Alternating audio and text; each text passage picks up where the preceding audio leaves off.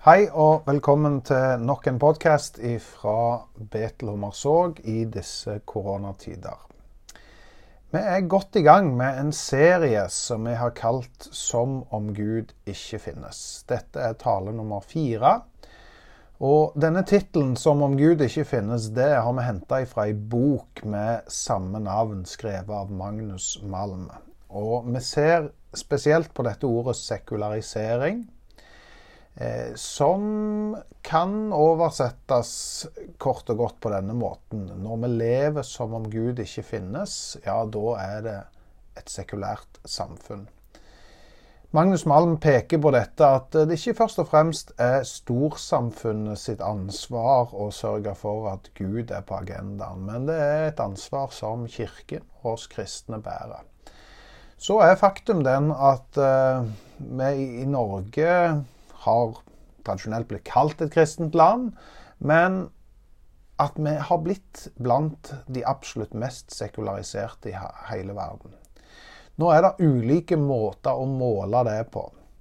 Og Det siste jeg så, det var et oppslag i VG bare for noen dager siden, der overskriften var 'Stadig færre nordmenn mellom 16 og 24 år tror på en religion eller en trosretning'. Og De henta artikkelen fra tall fra Statistisk sentralbyrå som viser at andelen nordmenn mellom 16 og 24 år, som da tilhører en religion eller trosretning, den har gått ned fra 47% til 40% bare de siste ti åra.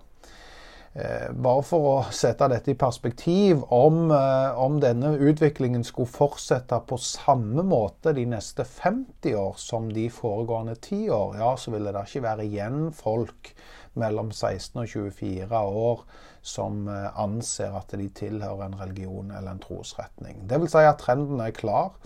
Og Astrid Sandsmark, som er forsker ved MF vitenskapelige høgskole, hun kommenterer dette og sier at trenden er tydelig blant unge mennesker. De som er mellom 15 og 30 år, er betydelig mer sekulære. Og denne aldersgruppa er ofte i forkant i forhold til resten av befolkningen. Og det som skjer blant disse som er 15 til 30 år, vel, det er det som, som preger samfunnet i neste sving. Eh, så er det et lyspunkt innimellom her og i, disse tallene. og det er at eh, når, først, nei, altså når unge først er troende, så, så, sies det da, ifølge det som Statistisk sentralbyrå har funnet ut, at de er mer dedikert enn de var for noen år siden. Altså mens det var 18% av troende som gikk regelmessig, dvs. Si en gang i måneden, til, til, til, gudstjeneste og møter, så er den andelen nå oppe i 22% og Denne forskeren kommenterer det med at eh, fordi de er få, så er, er det en større sjanse for at de oppsøker steder der det er flere, fordi at fellesskap er viktig. Og, og, I en tid der Norge sekulariseres, så er det å være troende i større og større grad opplevelsen av å være en minoritet. Og da søker en gjerne til samlinger for å finne andre. Men allikevel så er det denne dystre sida av av tallene som forteller at vi blir mer og mer sekularisert. Og bare i 2019 så var det altså 8600 unge mennesker mellom 13 og 30 år som meldte seg ut av Den norske kirke, mens det normalt sett på et normalår er på mellom 5000 og 6000. Eh, så nok om eh, tall og Statistisk sentralbyrå, men vi kan konstatere at de, de observerer og ser en sakte sekularisering. Og spørsmålet for oss som kirkens folk og troens folk, det er jo om vi merker det samme. Eh, det er jo en myte som har gått om at eh, hvis du skal koke frosk, så, så legger du den i kaldt vann, og så varmer du sakte, men sikkert opp. og Pga. disse små endringene over tid, så kan du ende opp med å koke denne frosken levende. Nå har forskerne visstnok funnet ut at dette er bare en myte, og det er helt feil, fordi frosken ender opp med å hoppe ut når det blir varmt. Men spørsmålet er jo om vi er like smarte, eller om vi blir værende og kall det ukritisk kaste oss på de små endringene som skjer over tid, og bare blir observatører til den sakte sekulariseringen som skjer. Vel, vi er i en sekulær tid. Det betyr ikke at vi skal svartmale alt, for det er jo veldig mye som er positivt med verden, og verden går framover på veldig mange områder. Men den sekulære utviklingen hvor vi kaster ut Gud og troen, den skjer når ikke vi eh, som troende klarer å se forskjellen på budskapet i den sekulære eh, tankegangen og det som er Kall det essensen av den kristne fortelling. Vi trenger å skjønne når vi ikke skal omfavne det sekulære budskapet, men når det står som en motsetning til det som er Bibelens hovedfortelling. Og Det er jo et typisk et ord som går igjen i Bibelen. Det er nettopp det å være våkne. Og dette er et område vi kan være våkne på. Eh, vi har pekt på i disse søndagene og disse podkastene at det er forskjell på den sekulære fortellinga om at alt er tilfeldig, og den kristne fortellingen om at Gud er skaper. Det er forskjell på den sekulære fortellingen om bortforklaringer og unnskyldninger og den kristne fortellingen om synd. Og I dag så skal vi prøve å se på løsningen på det som er fallet og bruttheten. Det som kalles for synden, som vi har talt om en egen gang, og det er dette ordet frelse. Og Før jeg begynner å argumentere og tale over det, så, så, så, skal vi ta en titt på den sekulære fortellingen om, som står som en motsetning til dette ordet frelse. I møte med dette at mennesket har en brist, så er kort fortalt den sekulære fortelling og budskap det er at vi må bli bedre. Hvordan kan vi bli flinkere? Jo, Sett deg mål. Arbeid hardt for dem og målretta, så skal du nå dem. Overvinn svakhetene med å, å, gjøre suksess, og gjennom det så kan du realisere deg sjøl. Du må sikre din egen lykke. Altså dette budskapet handler om selvrealisering. Følg hjertet ditt. Og I et sånt verdensbilde så er min personlige lykke det absolutt viktigste. Vær tro mot deg sjøl. Vit at du er noe. Realiser drømmene dine. Eller sagt det på et mer kristent språk, prøv å frelse deg sjøl. Og markedskreftene spiller på at vi skal jage etter denne selvrealiseringen. Den beste strategien for å selge vare er jo å love at du lykkes, og at at du får lykke. Derfor så finnes det selvhjelpsbøker, dietter og livsstilsblader og all slags mulige produkter og etterutdanning og personlige trenere. Listen kunne vært veldig mye lenger. Det er alt mulige ting som skal hjelpe oss å oppnå ting som vi så gjerne skulle ønsket at vi var eller hadde. Noen mål når vi jo ikke, og vi blir skuffa.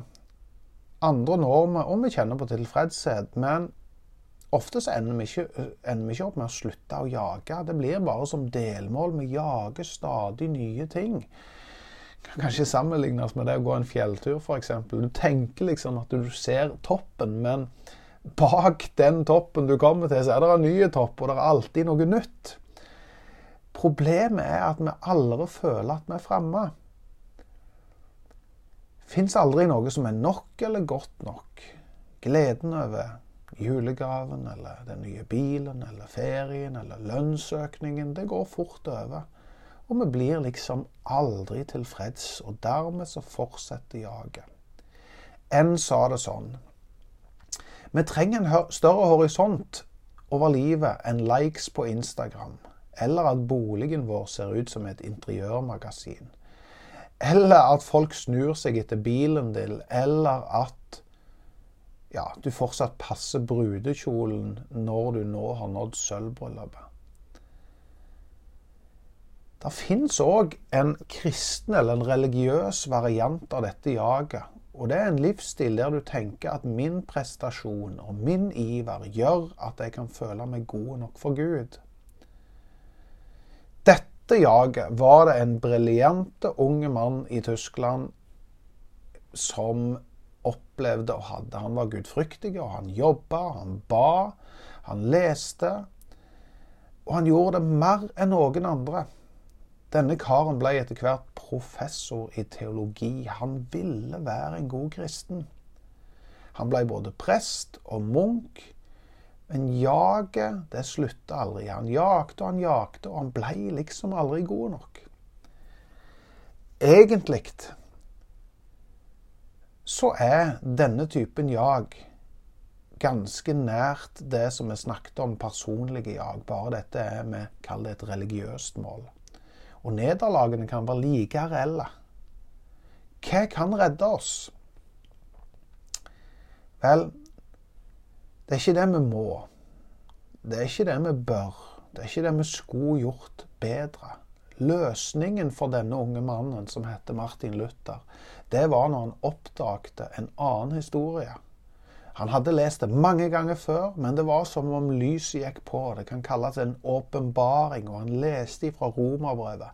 For jeg skammer meg ikke over evangeliet.